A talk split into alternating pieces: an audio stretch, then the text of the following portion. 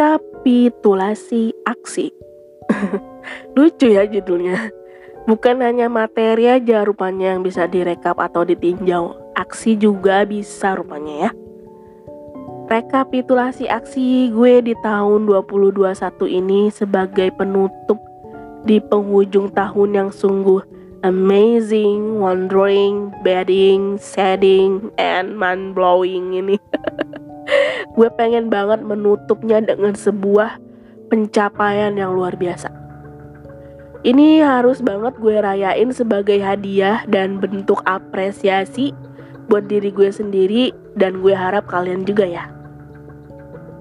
Setelah drama panjang, gue bisa kontekan lagi nih sama temen gue yang gue gibahin di episode Rindu kemarin.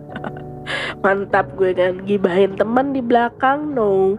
Gibahin temen di podcast, hmm.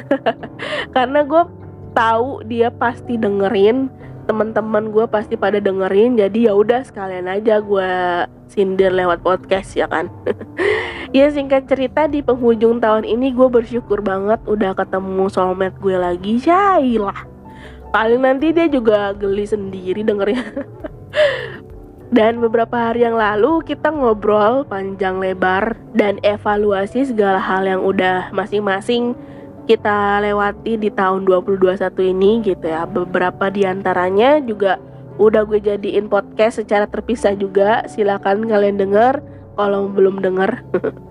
Sekarang I wanna tell you another part about bahwa apa yang sudah terjadi, berbagai drama dan juga insiden yang terjadi dalam hidup gue, gue harus bisa mengambil langkah di mana gue harus memperbaiki kualitas diri gue sendiri. Bukan bukan karena untuk dipuji oleh orang lain lagi. Bukan dengan maksud pengharapan di mata manusia semata tapi memang karena diri gue seberharga itu dan juga sepantas itu. Jadi ketika kualitas diri gue baik dari secara pikiran dan tindakan sudah lebih baik, gue yakin semesta juga akan menempatkan diri gue di tempat yang baik juga. Ya, walau sekarang gue masih agak meraba-raba ya, mau mulai dari mana dulu nih gitu. Tapi um, pelan-pelan gue kepikiran mungkin gue bakal mulai dari berhenti, bener-bener berhenti, stop, mengajukan segala jenis pertanyaan kenapa. Karena sudah pasti nih jawaban dari seribu kenapa itu tuh cuma satu jawabannya ya karena itu adalah takdir hidup gue yang sudah gue setujui dari gue masih di kandungan ibu gue gitu kan.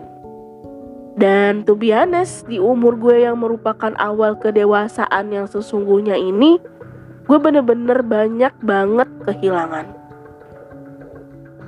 Kehilangan baik secara materi dan juga jumlah teman. Teman yang gue kira itu adalah teman hidup, teman di segala terang dan juga redup tapi rupanya hanya teman penambah cerita hidup aja. Bener-bener harga yang sangat mahal sih ini menurut gue karena tapi ini bener-bener sepadan, bener-bener worth it. Setidaknya gue hanya kehilangan mereka. Gue nggak ke, nggak sampai kehilangan siapa diri gue, siapa jati diri gue gitu. Padahal gue udah ngelewatin dua kali pengkhianatan di tahun ini. Bener-bener betapa muka gue kerasa kecoreng banget kecewa parah marah besar. Tapi untuk pertama kalinya dalam hidup gue gue ngebiarin orang yang seharusnya lebih paham gue seperti apa berspekulasi sesuai fantasi mereka gue nggak mencoba mengambil tindakan pembelaan diri nggak. Walau sebenarnya sih hati dan emosi ini pengen banget gitu kan cuma lagi-lagi gue dipaksa diam dan bungkam. Sampai akhirnya nggak tertahan gue memilih mundur dan lenyap secara perlahan. Tapi lagi-lagi gue baru kesadarin sekarang gitu ya saat itu tuh rupanya gue bukan lenyap gue hanya lagi sembunyi karena saking ingin menghindarnya gitu kan. Karena ada berbagai banyak banget kejadian dan juga banyak banget beredarnya simpang siur rumor dan juga berita yang kurang mengenakan yang terjadi. Padahal bukan 100% kesalahan gue juga tapi gue terlalu fokus ke situ terlalu memikirkan itu sampai akhirnya gue tumbang berkali-kali juga di tahun ini. Gue breakout parah ngedown sampai bener-bener stres juga gitu ya. Gue dan gue nggak mau menyebutnya depresi karena gue takut mendiagnosis sendiri keadaan gue gitu. Cuma yang pasti tahun ini stres mama bear banget gitu. Ini tahun teramazing parah sih. Apakah karena ini aw adalah awal kedewasaan gue? Apakah ini karena tingkat kematangan gue dalam menopang kehidupan gue sendiri? I don't have idea juga sih guys. Cuma yang jelas I have to be new me.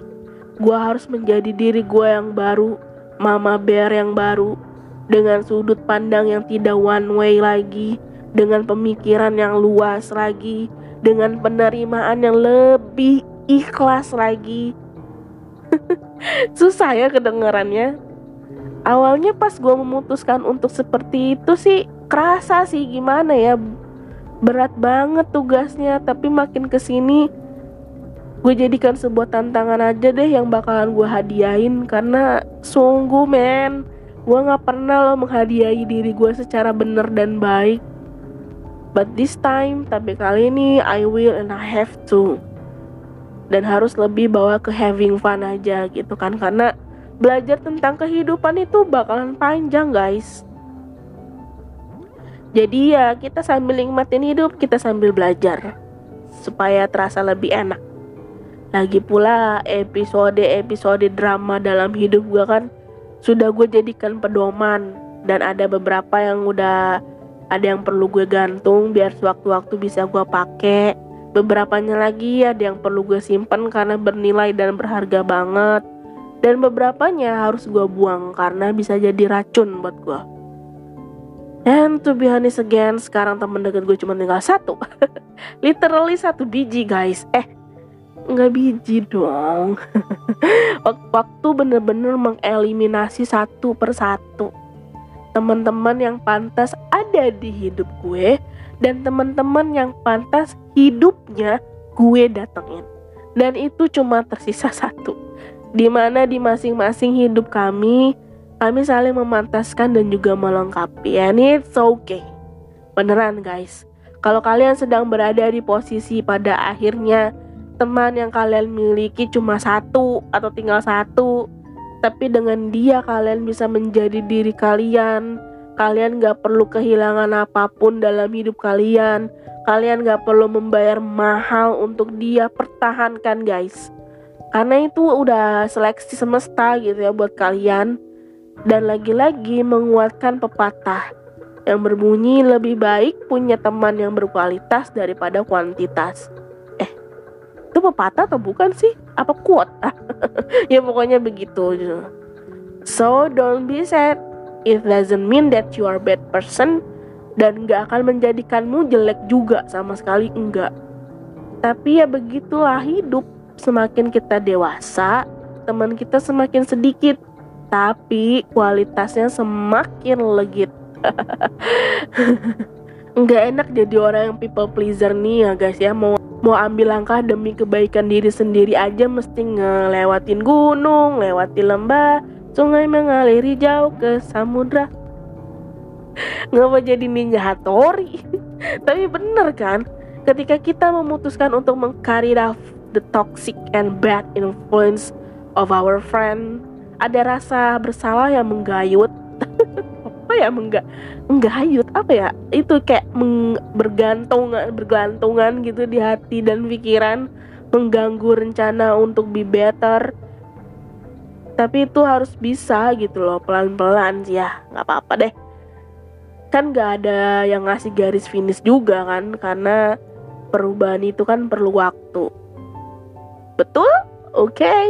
so wish me luck ya guys and I wish all the best to you too Semoga gue berhasil melangkah satu lagi ke arah yang lebih baik menurut versi gue. Begitupun kalian. Jangan banyak-banyak dan muluk-muluk kumpulin resolusinya. Ambil satu sampai dua aja dan fokuskan. Mudah-mudahan bisa tercapai. Oke, sampai ketemu di titik selanjutnya. Mari kita sembuh agar tumbuh.